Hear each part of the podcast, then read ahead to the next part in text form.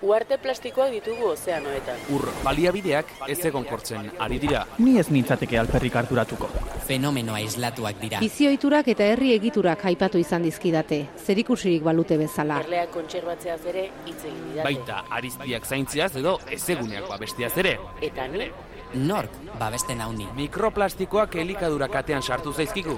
Ez ez da perfektua. Bioanistasuna galtzeak atzera bueltarik gabeko ondorioak izan ditzake. Lasaitu zaitez, ez da inbesterako izango. energia erabilerari eta garraioari loturiko isuriak izugarriak dira.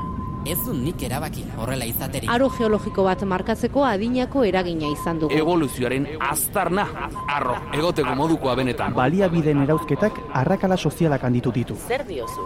Nik ez dut alakorik egin. Eragindako inpaktuak direla eta muturreko fenomenoak ugaritu dira. Nire inguruan ez dut hori sumatu. Euri azidoa bertan da. Bizitzak aurrera darrai.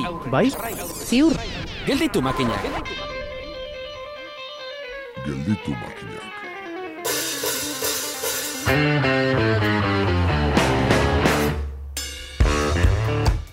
Iraila hilabete berezia da, berezirik bada. Urte asterako zure buruari jarritako asmo osasuntxu horiek denak etzarela betetzen ari, eta zierte edo zart egiteko garaia da. Alegia, urtarriera atzeratu edo betiko ustea erabakitzeko garaia.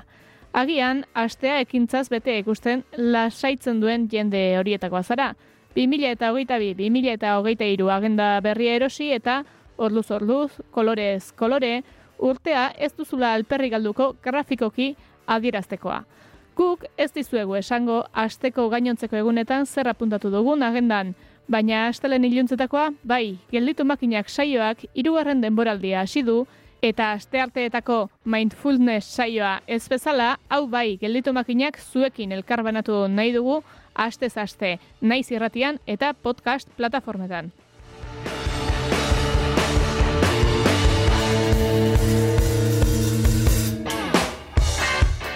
gu ere lurtarrak gara entzule, eta guk ere badugu oraindik amaitu dezen udarari begiratzeko gogoa. Elbe sindikatuak berrogei urte ospatu ditu eta Pampi Saint Marie idazkariarekin izango gara sindikatu gintzaz udako panoramaz eta datozen erronkez izketan.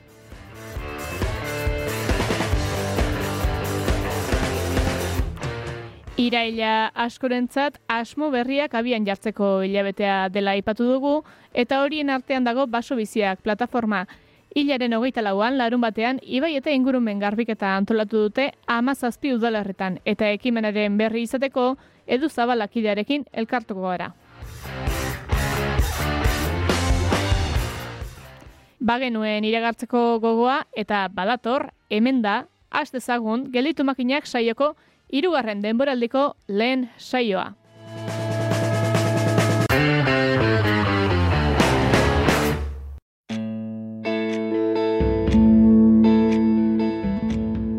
Beti gertatzen, baina bidea egin duenak askotan atzera begiratzeko gaitasun azkain, aurretik datorrenaz gogoetatzeko egonarria izan ohi du.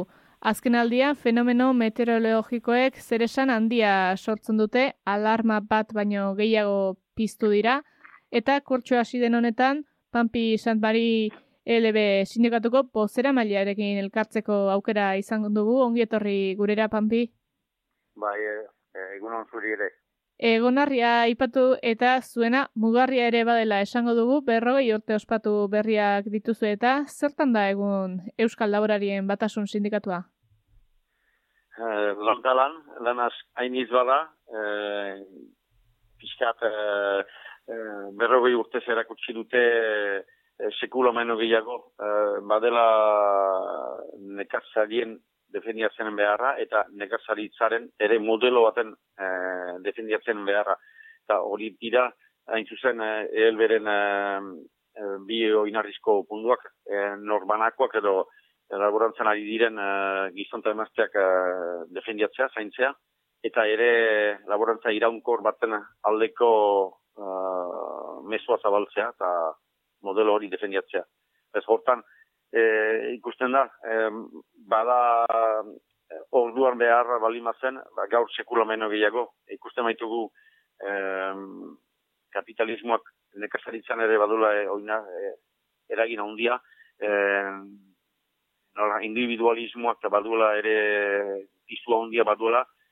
Eta bez, e, nekazaria pentsatzen badu bak, batek bakarrik bere baserrian e, lan eginez e, bere burua salbatuko dola, ba, gure ustez oker da eta kolektibuki behar da, best, gure artean e, elkar sustengatu zatxikiz, eta hori sindikatu, zere sindikatu baten parte hartuz, hola da defendiatuko, eta beste inez e, modeloa ere e, egina da batzu e, beti izanen dira beste batzuen kompetizione hortan edo beti irabazle atereko da az, bere ustez azkarrena dena, baina beti az, beti aurkitzen duzu zu baino azkarrago.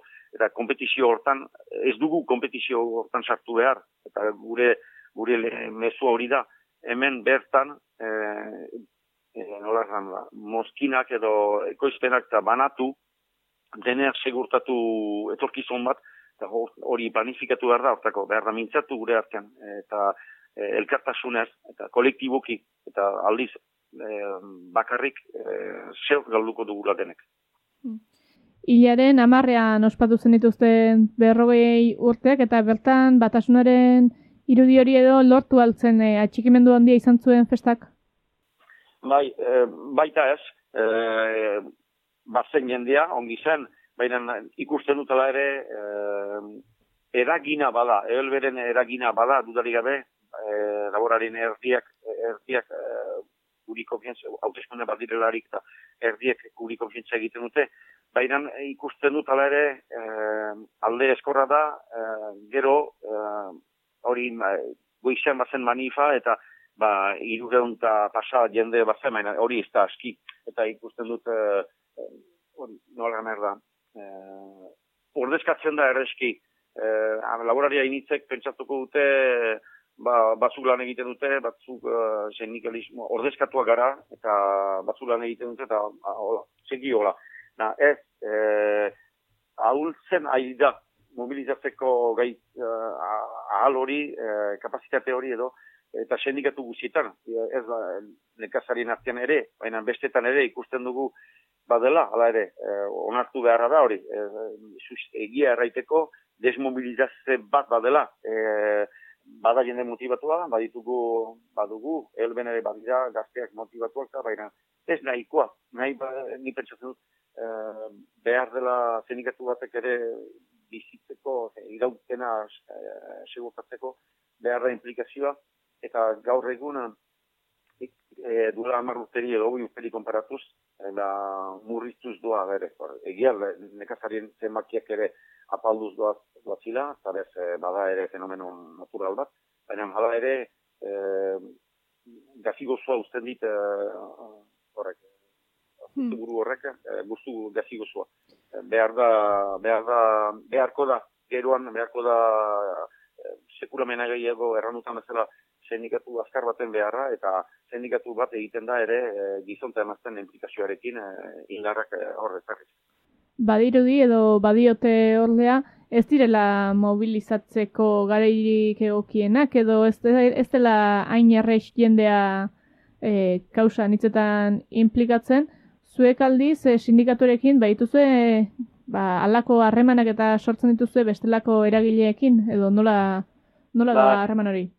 Ba, e, gure errandutan bezala, gure gaitasuna egia orain arte ere krisi, e, krisi larririk ez dira, e, e, iperraldean behintzat, e, sistemak, e, Europako laguntzen eta sistemak, eta e, lagundu ditu e, askar, hainiz e, kabala zituenak, hainiz luk zituenak, eta horrek emaiten die individualki atera bide bat hainitzeri. E, baina salbu, aurtengo urte batek bezala, e, orain arte denak ematen zuen pixkatu horrekatua, eta ba, ade, ardiekin eta biekin eta ateratzen zen zerbait, baina, e, eta bez, holas, ematen zuen dena ongi zoala, eta bez, e, hartako dut, desmobilizatze hori de hortarik heldu da, hemen iparralde bada laboraren, laborantza bizi, e, modelo bizi bat, e, gazteak da inkorporatzen dira, eta ez da dena eder eder, baina hala ere, e, hango ongi, eta bez, horrek ekartzen du ere, zuk sindikatu batek edo e, jendea mobilizatzen da, e, benetan kakain erdian derelarik, eh? zinez egoera larrian delarik. eta ikusi dugu azken urtetan, helben e, gehienik mugitu den eta jendea, eta izan dira, badibidez, egaztik gripeekin, eta hor, gunkituak izan diren baserriak, eta hor, zinez, zenditu da mobilizatzea azkar bat, e, eta hori hori pozgarria zen, eta lur lurra zaintzeko, eta adibidez hor espekulazioaren eta inguruan, eta jendien mugitzen da. Baina, hori guzia, aurten, dena aldatzen alda, ikusten da, e, askira egora klimatiko batek, dena zalantzan jartzen du. Eta horren onduan, bez, gure azpaldian hori egin egin nuen, e, berriz aipatuko du bai hori, e, ikusiz gure egoera nolakoa den, edo ikusiz laborari bakarrik zema pisatzen dugun, e, eta hori gara nahi du pizu txipia dugula, e, jendartean, aspaldi hontan e, gure burua definitzen dugu e, sindikatu ez korporatista bezala, ez bakarrik gure gure baserriko mundutxo hau zaintzia, baizik eta benetan e, erak gure zerregina da e, jendarteari e, elikadura hornitzea, ematea, zerez, badugu ere ez, dira industriako e, ekoizle arrunda bezala, gure lanak edo gure egiteko moldeak badu eragin handia gero e, jendartean. Zerez, gure e, guk egiten duguna, e, baionako edo biztanle bat ere, e, gure badu eragina, zerez, pentsatzen dut, behenetan, e, arek ere baditula, e, baduela bere zer esana gure aferetan. Eta hortarako, uh, aspaldi honetan ari gira gu eh, lankidetza hori edo, uh, bai, eh, aliatuak bilatzen eh, la, baserritik, baserri mundutik aratago, eta konsumitzaileekin, eta baser, elik, elik, eta inguratenaren zaintzaleekin, eta, eh, nola gana, eta, eh, um, arduradun politikoekin, eta instituzioekin, eta denen artean, zinez, biako, hemen oita, hemen diko, berroit, ogeita amar ustez tarat eginen den elik e, laborantza mundua eta edikadura eta gaur planifika ditzagun e, bi, e, eipatzen delarik e, e, ber tokiratzea elikadura eta ber tokiratzea benetan hemen hemen koiztua, hemen, hemen konsumitzea eta hori guziak e, behar dira gaurtik e, aipatu, mai baten inguruan, planifikatu eta horrek ere ekarriko du e, au, e, benetako e, norabide estrategikoak hartzia eta zer motako, zer nolako laborantza e, baserriak edo nahi ditugun, hemendik hogeita hamar urtetara. Eta bez, hori, hori guztia, deren artian adostea, eta hori, mezu hori, hainitz, e, jendarteko parte zabal batek eta ulertzen du. Eta ere, posten da ere, guk ardura hori izaitia. Eta bez, gure indarra barne aulezia batzutan egintzen dugu eh, konpentsatzen du edo e, aliatuekin eta egiten dugun indar hori, jendartean dugun indar hori horrek. Eta hori da ere, helberen uh, uh, zerregina eta izua ere gotzan da. Eta onartzen zaigu, uh, adibidez, ahateak hor, uh, administrazioa etorri delarik ahate sanoak uh, hil nahiz, uh, egazik gripengatik, guk erreten genuen larik ez ez, ez, hori ez duzu egiterik, eh, hori ez da normala, hori da e, laborantza modelo bat, txar baten ondorio eta zen zelarik, erraiten dugularik. Jendeak ulertzen du, jendarteko parte zabal batek ulertzen du, eta gurekin etorri dira, e, gisa arresi batzun eta egiterak, eta hori da gure lorpena azken urtetan, eta, eta bide hortari segitu dugu. Horixe aipatu nahi nizun, ate gripearena adibide, bueno, on bat izan daiteke zuen ekintza edo lan moduak ulertzeko, zuek askotan egiten baituzue, edo borroka tresna gisa ulertzen baituzue, ekintza zuzena la mobilizazioen bideoz egiten duzue askolan? Ba, bada lehenik e, plazaratzea edo azaltzea arazo zein den, beti ora egiten dugu, peda, eh, pedagogia lan bat bada egiteko, azaltzeko nora, eta zertarik nuntik dator arazo hau, hori egin dugu, e, le, badu bai bostu sei, sei garren urtea da, e, gaztik gripea ekinta bizigirela, eta azal, salaketa, salaketa hori, salaketa bat egiten dugu, baina ere, ere e, azaltzea jendieri benetan, e, zergatik salaketa hori egiten dugu, eta nuntik dator, e, benetan iturria arrazoa nuntik dator. Eta jende gulertzen du, eta bez, eh, administrazioari berdin egiten dugu, erretzen dugu, ez, ez bide txerretik zoazte, ez da gora, ez da gola jokatu behar. e, guk zentzu gure ze- ez gira, ez gira eta aditu, aditu handiak zuen usteko, baina guk badugu e, zentzu ona e, urtez eta urtez ikasitakoa hemen gure baserrian eta gure animaleri begira eta ez behar gaituzu ere kontutan hartu eta ez e, Parisetik etorri manuak hemen e, itxuki hartikatu. Eta hori olako gauzak e, lehenik salaketa, eta gero salaketa ez badute ulertu nahi, eba, e, indar harreman bat artean sortzea posible izan bazaiku, eta lortu bari madugu, ordian e, biharren atalerat, atalerat edo pasatzen gira, eta da e, ez ez erraitia, almiz, e, orden ez zuzen bati edo e, aplikapen itxu bateri, e, lege aplikapen itxu bateri, ez ez erraitia, eta hor lortu dugu, ez betugu beti lortzen, lortzen dugu, lortu izan dugu frangotan, e, hori, e, lortu baitugu ere indar harreman hori sortzea e, jen, jendarteko parte, on, parte batekin.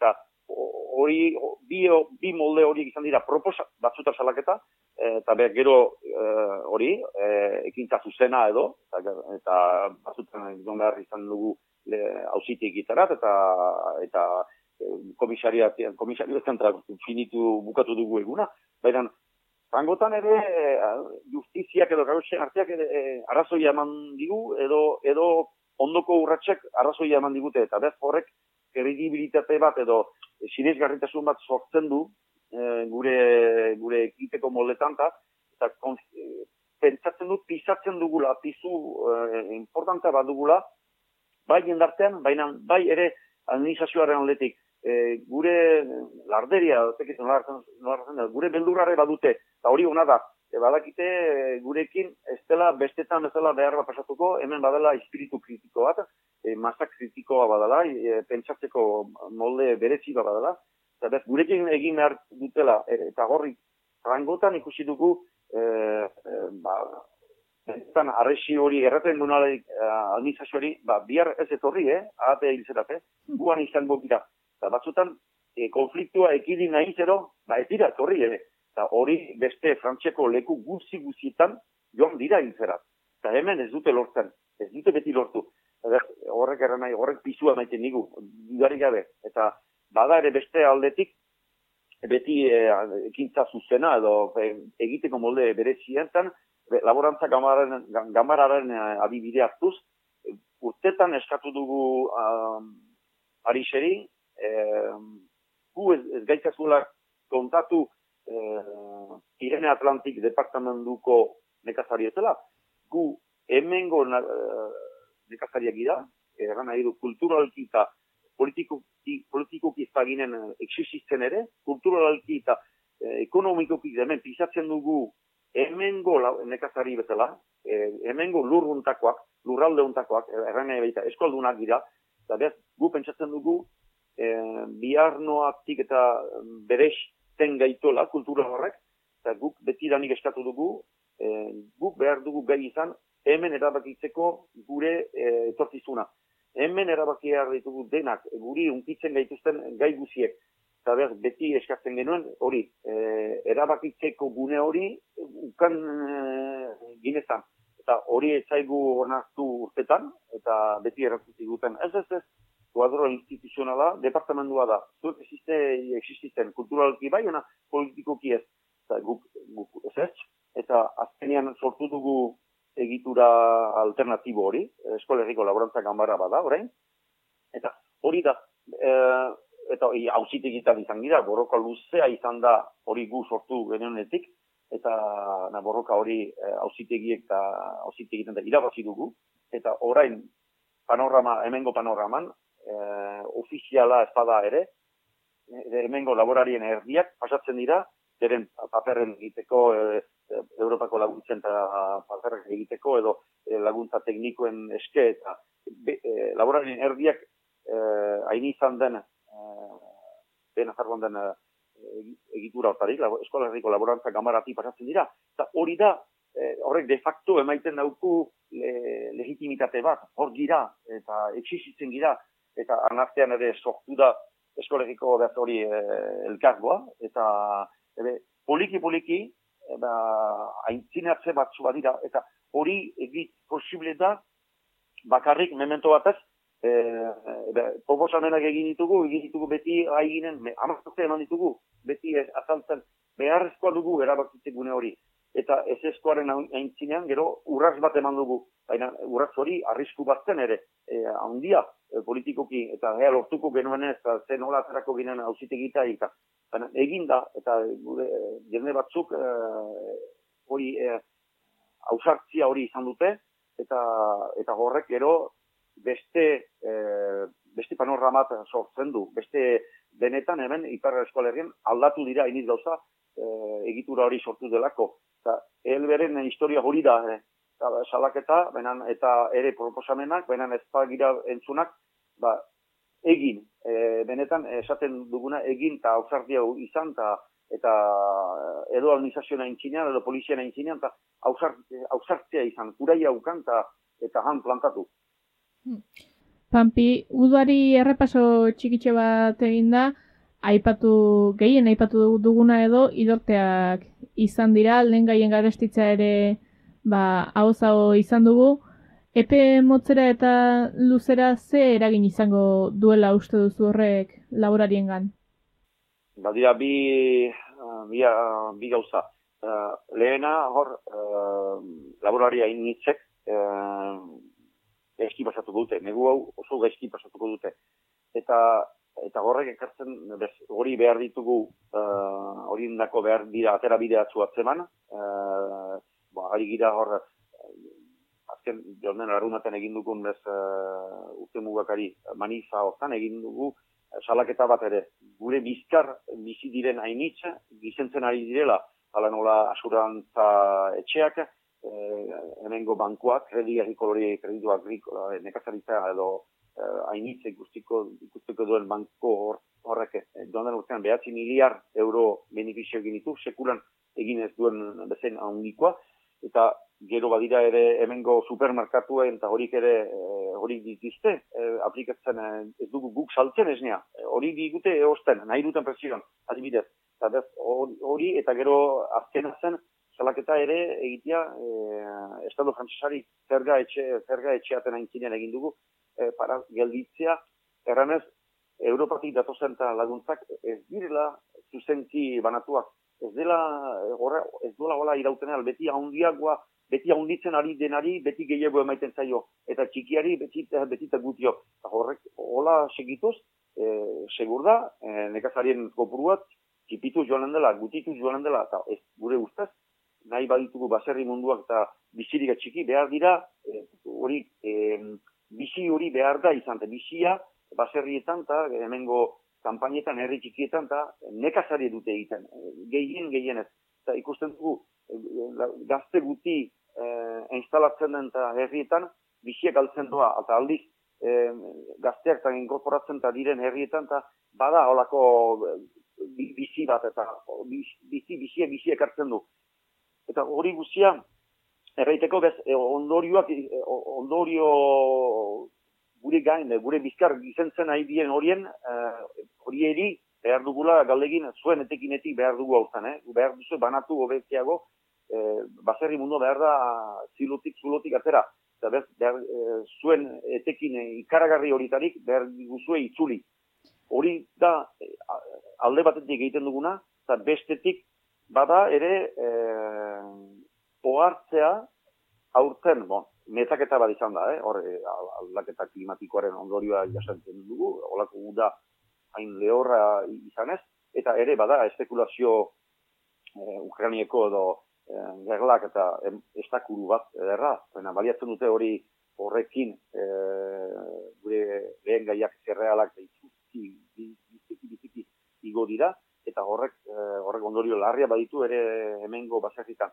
Baina horrek behar gaitu ere ekarri pentsatzerat, baina aurten lehortzea eta gerra badira, baina eta pentsatzen alda kojunturala dela, aurtengo dela bakarrik, na, igual, zeluden udaran berdin, ez dugu belarrik egiten alko, ez dugu biharren korterik izaten alko, egiten alko, harto gutxi izango da, e, zerreal ugi garrita gutxi, dez, nola egiten dugu, eta berriz ere beti laguntza eske, horrek krisi honek ere karri behar gaitu ere pentsatzerat, bir, pen, ber pentsatzerat edo, zen, zen nekazaritza egiten. Alden hemen, e, posible dea mendialdean e, segitzea duela berroita hamar urte e, eun ardizien tokian, gaur egun bardi- badira, igual iru egun, lau egun ardi, eta bainan e, lehen e, duela goita hamar urte edo, hamar urte arte edo, ba, egiten zen, bertako e, belarrakin eta hazten ziren e, autonomia alimentarioa hainiz bazen.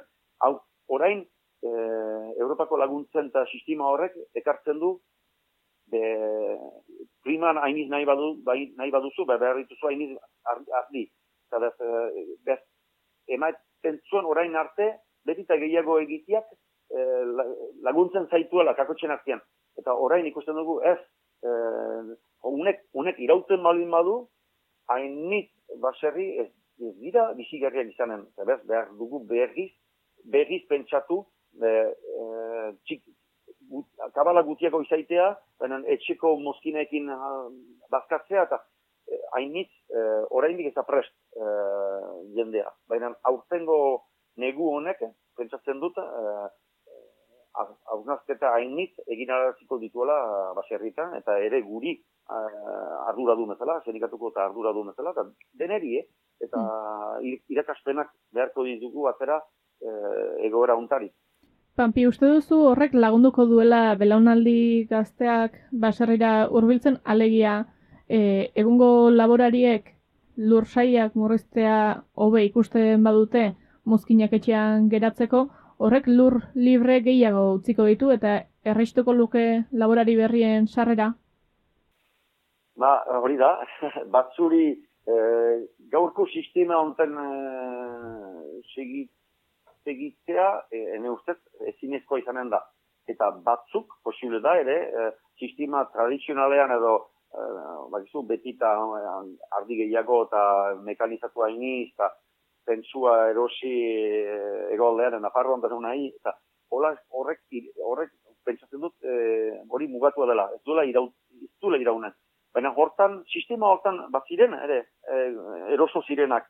Eta bez, sistema hori edo ez bada izigarria, batzuk abandonatuko dute. E, joanen dira. Gero, da, nok ordezkatuko ditu. Edo, hortan gelditzen da, bukatuko dira, eta hainit baserri guztuko dira, eta, eta benetan e, gure hemengo baserri, baserri munduko biziak ere gal, hainit galduko du. Baina alternatiba izan bada, eta da berriz pentsatzea ber sistema, eta sistema berri bat beharra bizi, bizi garriagoa, e, kabala gutia, gutiagokin, jende gehiagorekin, eta elkartasun gehiagorekin, e, eta hori hortako behar dira kanpotik e, e, erakarri e, gazteak, e, badira jadanik e, hainit, ipar eskolerrien kanpotik datuzenak, e, baserri atzun segitatartzeko ilusio, utopia da, eh, amets, eh, amets utxetan ibiltzia da, edo hartzia da, eh, pentsatzia eh, sistema aldatu behar dugula, eta sistema berri hortan behar ba beste gazte batzuk eh, inkorporatu nahiko dutela. Ematen du, eh, elberen historien izan da, hori, arriskoak ere hartzea, eh, eta ni pentsatzen dut, memento hontan, behar dugula gai izan, eh, ba, gaurko sistema hau erraiteko eh, ez dela bizigarria, ez dela gola irauten ehal, eta beste zerbait behar dugula berriz pentsatu, eta horre behar ba, ez, ez, ez da denetarik e, begi honez ikusia izanen, baina alta errealitate hori da. Eta beharko dugu, ba, irrisku bat bada, e, igual baserria utzi geldituko den baserriak, ez du topatuko e, kanpotik datozen gaz, datorren gazte hori. Baina igual ba, era hortako behar dugu ere, e, mezu baikor bat zabaldu, e, hobe dela, betitanik erreten genuen guk hobe e, hiru baserri txiki handi bat baino eta mezu berriz mezu edo sekula baino gehiago mezu horri horri horri behar dugu lotu. Eta horrek behar da e, ebe elkartasun eta mezu hori eta e, txipiago izatea baina baina nunbait txiki- txikiago e, bankuen eta mutil izan gabe eta beti lanaren eta mutil izan, mutil izan gabe edo azpiti, teko izan gabe, pentsatzen dut uh, atera behide bat badela. Baina lan handia bada egiteko, hortan ere, pedagogikoki eta hori azaltzeko e, kanpoko e, beste, hala, mun, gure mundutik, e, kanpotik datorren gazte bateri. Baina atera bidea pentsatzen dut, alta hori dela, hori behar, bide hortari behar dugula e, arriskatu. Beraz, uste duzu posible izango dela etorkizun batean elija, elikadura buru jabetzako Euskal Herri mailako proiektu bat izatea? ba, ematen du... Eh, Utopia zari garela dirudi edo, ba, ez bai, zerbait bai, bai, bai. ameskeria bat. Ba, ba, e, e, behar da, beharrezko da, e, ametsik ez bada egiten ez, ez da gero ez, ez errobratzen. Pentsatzen dut lehenik e, ideia lehen bizi hortan ematen duela ameskeria edo utopia utxa, baina e, horrek du ere e, gizakia edo beti mugiarazi. E, lehen behar amets egin, eta gero amets hori batzutan obratu nahi izatea.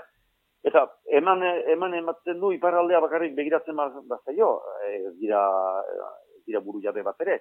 Hain izia elikadura gauza importatzen dugu. Gure argien eta bakatzeko moldea makarrik, eta haini gauza e- edozein nekazarik hemen, Nafarroan erosten du e, hori, luzerna, alfalfa, eta bez, hainit zerreala, e, an- e, lastua, heldu da arabatik, eta bez, e, ematen du, ez du, Frantziak Espainiatik importatzen badu, e, ez da, ematen du, e, ez dela, bizi- e, ez dela e, artifiziala dela. Baina hori, pentsatzen badugu berriz, eskualerri mailan, lurralde mailan, eta, eta independentzial lortu aintzin, e, benetan has gaiten, has gaiten gure artean ikustea arabako eta e, gari edo koizle batekin, eta kontaktuan jarri hemengo baserritarrak, eta nola egiten aldugu hori planifikatu hori de, ez, ez beti Espainiak eta Espain, e, Frantzia Espainiari erosteko, baizik eta gure artean komertzio egiteko, bai, hori ekonomikoa da lehenik. Da, eta horri jarri kultura ere, gure arteko e, hurbiltasun hori eta, eta batzutan hizkuntza ere ez denetan, baina arabatarrekin berra gutxiago, baina bai, ane badira. Eta e, hizkuntza eta ekonomia eta elkarrekin loturik eta horrek sortzen du giro bat, eta gero e, politikoki gorpuzten joiten dena, baina hasi behar da konkretu, kon, gauza konkretuetarik, ni pentsatzen dut e, ipar, e, eta eskualerriak baduela kriston e, hori, e, ahala badituela, oso e, klima desberdina baditugu, oso baserri, baserri tipo edo molde desberdina baditugu, horiek denak artikulatzen edo ba, em, ikasten edo jakiten balin badugu, hemen bada etorkizun ederrik, eh, baina hortarako behar da eh, behar konkretutarik behar da hasi, eta bidea egiten da poliki-poliki, urrezka. Ba, Pampi Saint Mari, LB sindikatuko bozera mailea, mila esker. Horrekin geratuko bada, batzuentzat negu gogorra izango dela, baina Euskal Herrian badela ahalik eta etorkizun bat ere izan dezakegula. Eskerrik asko gurean izateagatik. Hori da polita, izan, dez, izan dezakegula, nahi bada, atarako behar dugu lanien segitu. Nire esker zueri, Gelditu makinak. Iraila ekimena kabiarazteko garai egokia izaten da auskalo ilusio gehigarria den edo udararen luzagarri gixako garaia delako. Baso biziak plataformako kideak ibaietara begira jarri dira eta begiratzen duenak ikusi egiten duenez, ibai eta ingurumen garbik eta antolatu du zenbait herritan hilaren hogeita laurako. Edu Zabala, plataformako kidea dugu gurean, ongi etorri edu. Kaixo, bro, mi esker. Garbik eta aipatu dugu, baina hori baino lehen baso biziak plataformak merezi du aipamena eta konta iguzu zer da baso biziak plataforma eta noiztik ari zarete lanean. Bai, ba, begira, e, gu sortu ginen, 2008 bateko martxoan, e, eta arrazoia izan zen, ba, bueno, ba, ikusi genuen e, pinuaren e, gainbera nola zijoan, ba, xingola marroia dela eta, gaixotasun hori, lehen dikan zetorrena, eta hor nonbait, e, halako batean, ba, goia jo zuen, eta herriz herri hainbat e, talde, ba, joan ziren e, antolatzen, Eta ikusi genuen, e, ba, bueno, ba, poliki-poliki hainbat herritan e, sortzen ari zirela mugimendu horiek. Orduan, e, iruditu zitzaigun bazela momentua pixka bat hori egituratzeko, antolatzeko eta proposamenak e, helarazteko gizarteari eta hori dela eta ba, martxotikan eta ekainera bitartean e, aritu ginen ba, dokumentu bat e, sortzen, e, baso bizien alde eukalitorik ez, eta hori izan zen gura bia puntua, pixka bat plazara ateratzeko, eta diman, e, baserri baten aurrean, e, ba, a, e, agiri, a, biztan jarri genuen e, dokumentu hori, aditzera eman genuen, eta, bueno, ba, horre agertzen ziren gure pixka bat abia puntuaren e, hainbat helburu, ez da? Horre nolabait bagu e, eukaliptoaz, baina haratago ere joan nahi dugu, esan nahi dugu monolaborantza dela guretzate arriskua. Monolaborantzak ekartzen dituen e, arazoak eta kalteak e, ba, ekarri zuen e, pinudien e, egoera hori. Eta e, konturatu ginen, ba, irtenbide guretzat, e, bestelako irtenbide bat eman beharrean, ba, mm, planteatzen ari zela, zuzenean edo zeharka hori ordezkatzea eukaliptoarekin. Eta, ba, bueno, lehendikan ere, Bizkai aldean baldin ba zegoen ere eukalito desente, ba ugaritzen ari zen. Eta bueno, ni hain zuzen ni e, prinsipioz nago eibarko baso bizien taldean, eta han ere ikusten zen, nola aginagatik ere, baia landaketak eta egiten ari ziren, eta bueno, e, joatea besterik ez daukagu autopistatik mendaro parian ikusteko, ba, bueno, ja, e, koskortzen ari dela sorioneko eukalituak, eta han eta hemen, ba, ba, landaketak egiten ari direla, ez.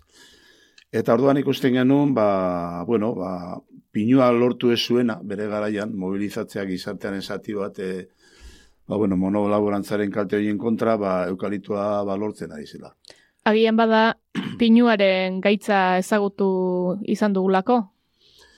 E, bai, bueno, nik uste e, e, belonaldi batzuk ja normaltzate hartzen genuela ikustea pinudi horiek horre gotea, ez, betidanik, edo, marreko marka dan horre hor zeuden, eta asko jaio, jaio eta bizi izan gara horiekin, eta ikusten genitun, ba, bera, ba, profesionariaren epoltzatxuri horiek, eta, bueno, noizian behin urte batetik bestera, bezaten zuten, ba, e, abioiarekin eta alako tratamentuak eta eman berazizkietela, baina, bueno, gauza ondo zijoala hor non baitez. ez? Baina e, monolaborantza duen eh, arriskua da asko zurrupatzen duela, azkar azteko, eta orduan lurrak ezin dio eutxi alako sistema bati, eten gabe, hau da, berrogeita marreko margatik e, eh, azten bagara ikusten, ba, horre, hogeita guzturtean behin edo, e, alako e, mosketak egiten ziren, eta berriro birlandatzen zen, kasu honetan pinua, bere garaian, eta e, horrek egiten duena da e, lurra agortu. Lurra agortu eta gainera horre erabiltzen direne hainbat teknika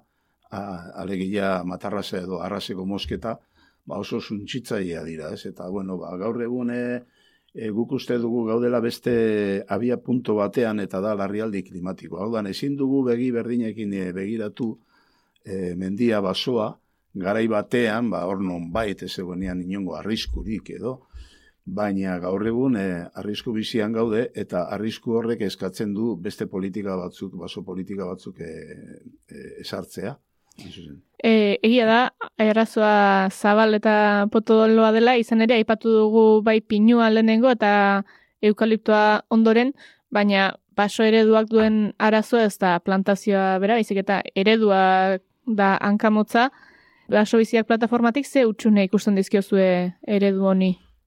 Bai, e, a ber, e, horre utxune desente ikusten ditugu, e, lehen aipatu ditugu batzuk ez, hau da, e, landaketa hauek, landaketa hauek egiten dutena, adibidez, orain pilpilian dauen gai bada, ura, uraren, ez, ba, ura baliabide gero eta urriagoa da, eta ikusten ari gara anemenka, ba, adibidez, busturi aldean, eta orain karrantzan, ba, nola, e, arazoa dauden. E, guk ez dugu esaten baso ereduen gatik, hau da, monolaborantza gatik soilik dela arazoa, baina monolaborantzak ere laguntzen du e, ura gutxitzen. Hau da, e, gu orain momentu honetan egiten ari gara, lantzen ari gara mapa bat, non agertzen, non e, bata bestearen gainean jarri nahi dugu, batetik e, monolaborantzaren e, azalera, eta e, koinziditzen duen e, ur akuiferoekin, eta ba, horrek eragina duela, zuzenean, e, ba, ba hori, ure mariarekin eta herritarre behar duten urarekin.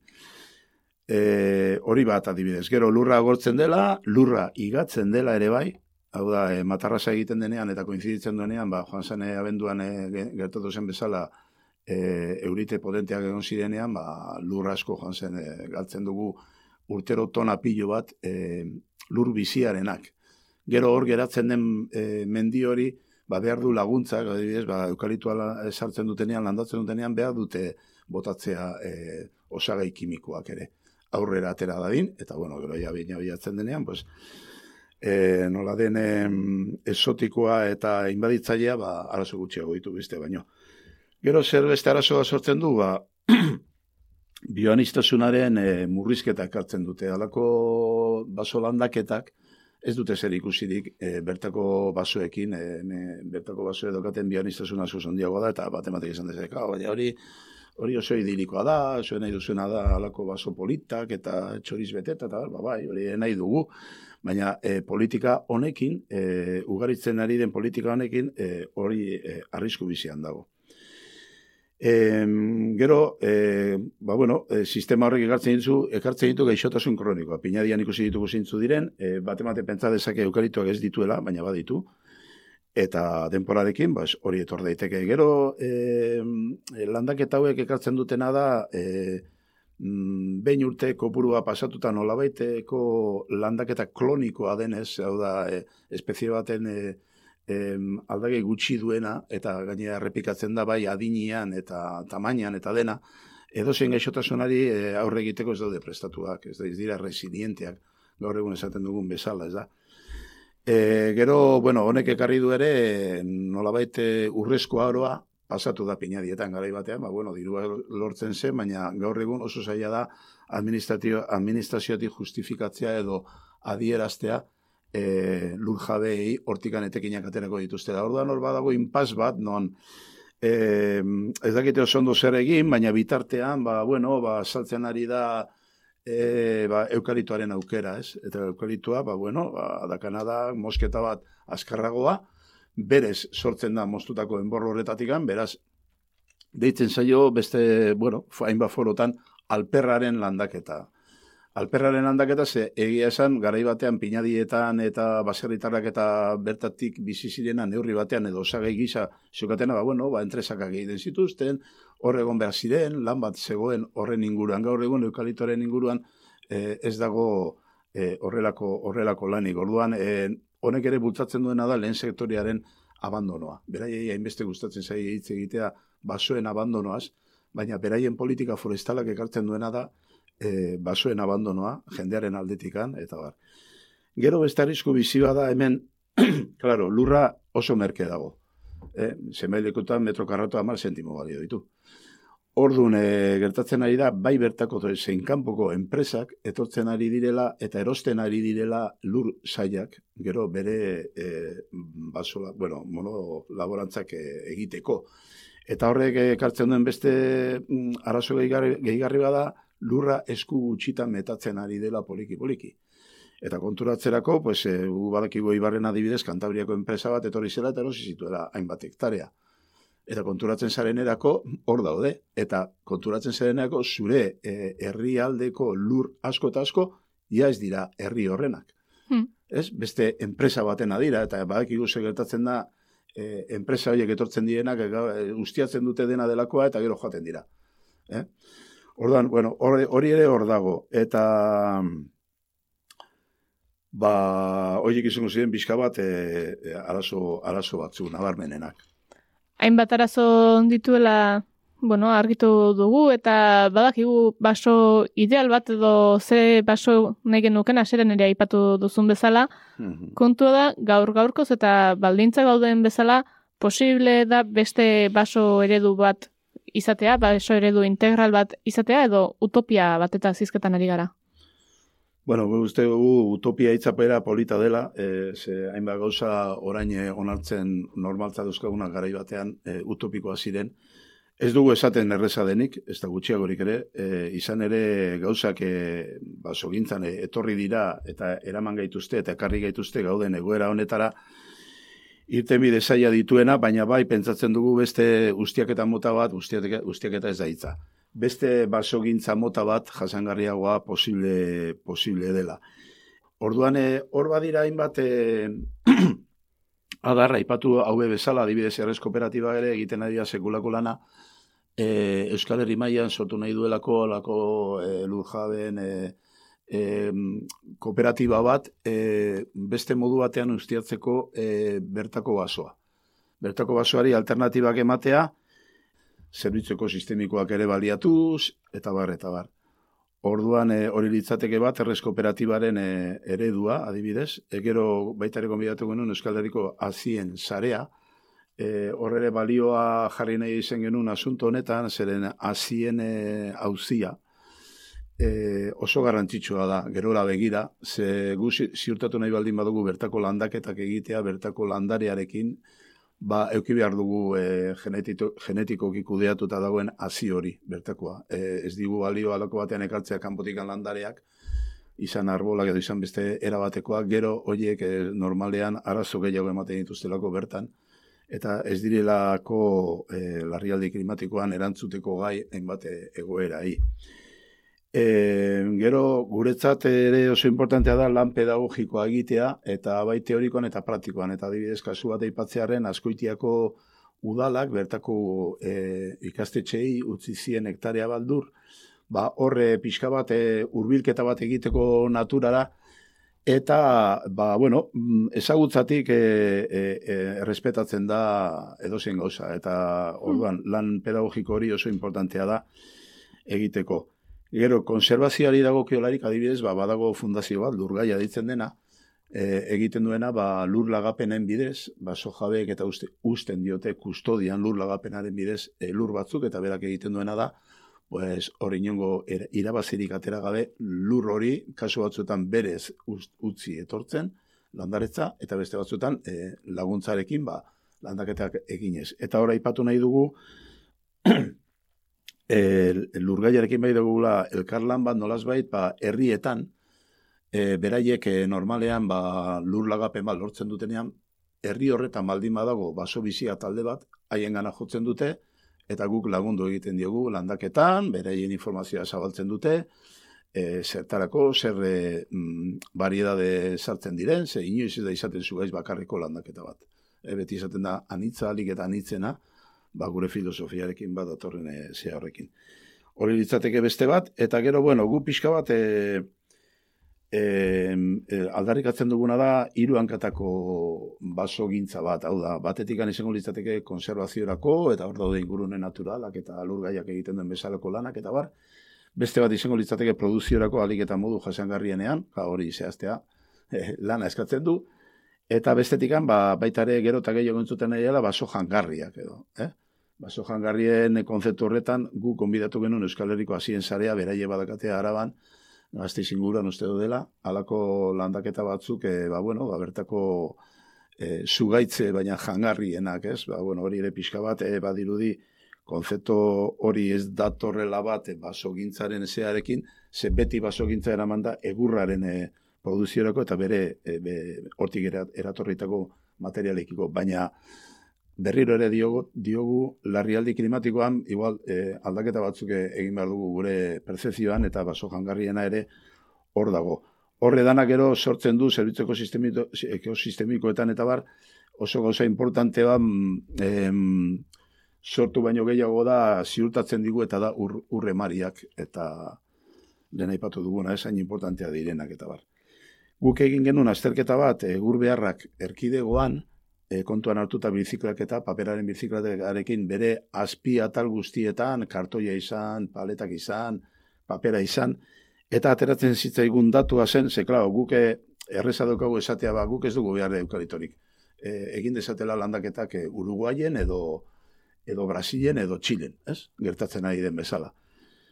E, Ez, bueno, guk asumitu beharko dugu neurri batean mm, behar, behar dugun mm, material hori zematekoa, zematekoa den, ez da? Eta orduan egin genuen azterketa bat, eta ematen zigun, ba, gaur egungo konsumoa paperaren, egurraren eta bede deribatuen e, produktuen arabera, e, gaur egun baldin badago e, proporzioa monolaborantzaren azalera, baldin bada uneko berroita mabia, gure azterketaren ondoren monolaborantzaren azelera izan berko luke euneko amalaua. Orduan, bueno, e, horre guztiek e, nolaz baite guk e, dira jartzen, balioan jartzen ditugun elementuak, e, begira da beste norabaitera bideratzeko, ez? Osea, ez digu balio orain e, gertatzen nahi bezala, ez dronein bidez, dron batzuk atera behar ditugu, ez daki zer neiker enpresarekin lagunduta egiteko alako tratamentu fitosanitario. Badirudi, teknokraziak edo teknologiak salbatuko gaituela. E, hori ere zabaltzen, zabaltzen dena da administrazioetatik. Teknologia ditu bere mugak. E, gu pentsatzen duguna da, hemen beste beste urraz batzuk eman behar direla. Hmm. Basoa zari gara etengabe eta basoan bueno, landaketak eta arbolak eta auta beste gabiltzan honetan, zuek ordea ibai eta ingurumen garbik eta antolatu duzuela ipatu dugu, eta nola egiten du batek basotik ibairako bidea, a ber, hori azaldoko diguzu.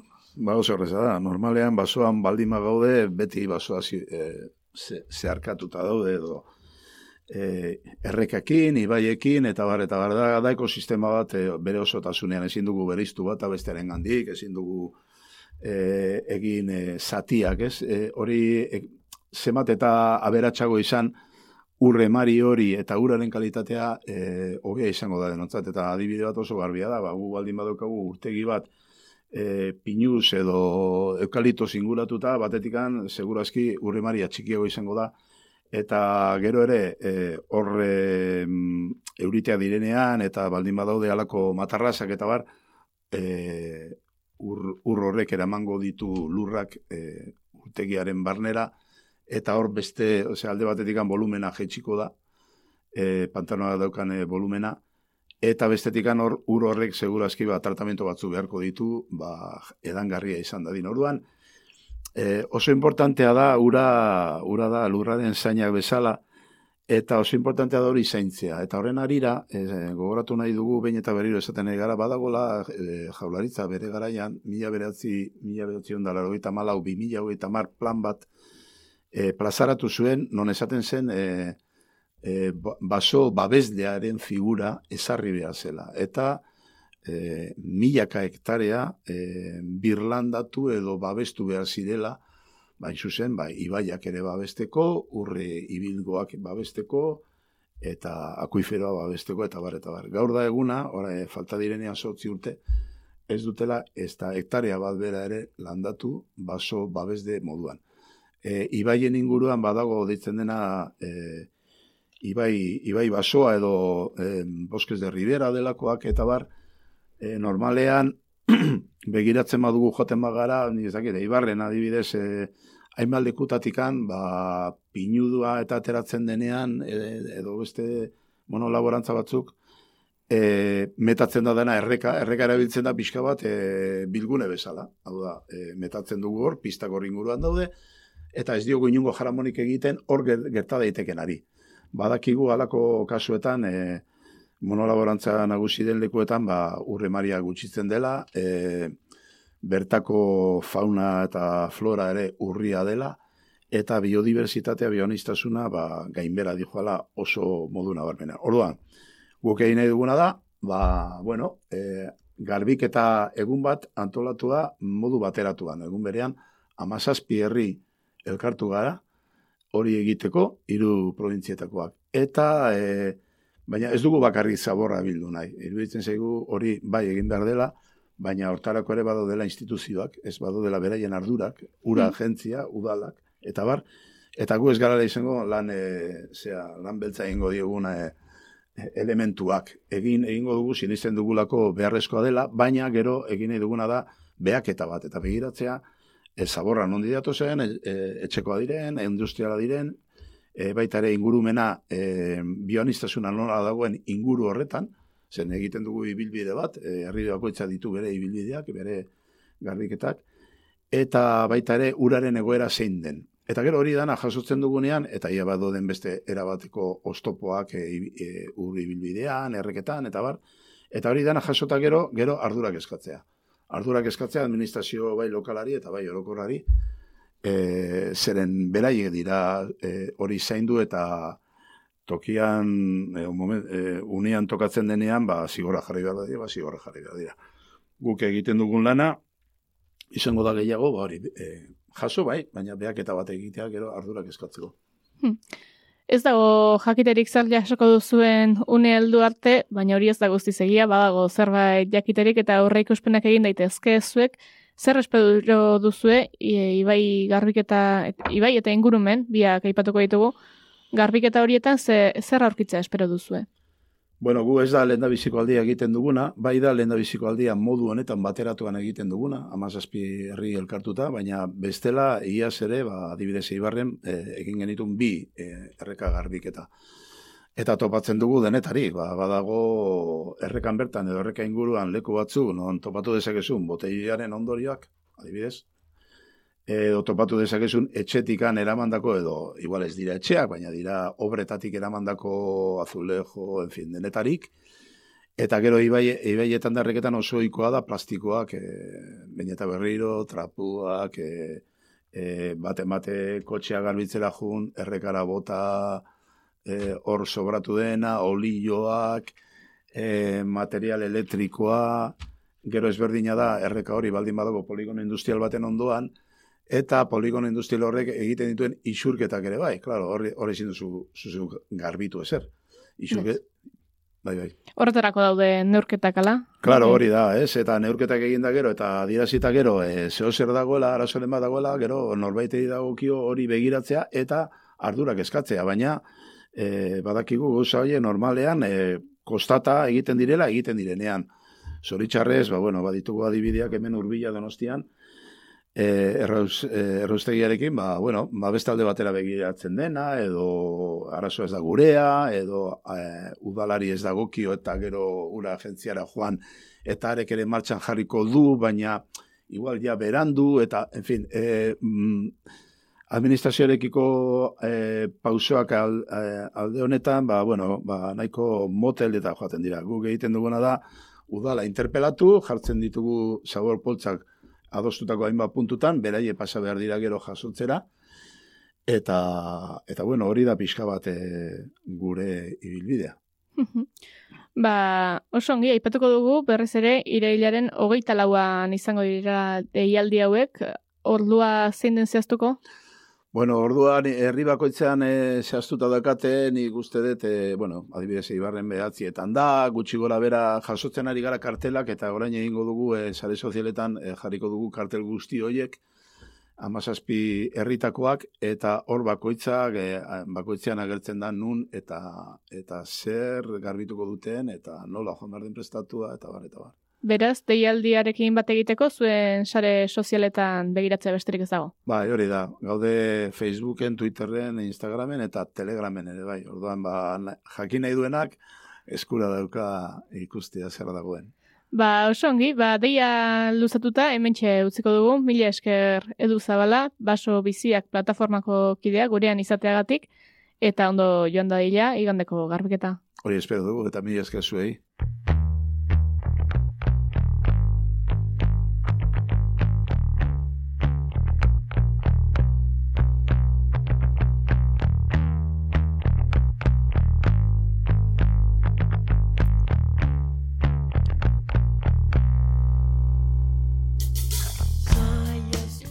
Tira, entzule, honekin itxiko dugu hirugarren denboraldeko gelditumak inak saioaren lehen atala. Datorren astean geixiago izango dugulakoan, ongi izan, eta laster arte.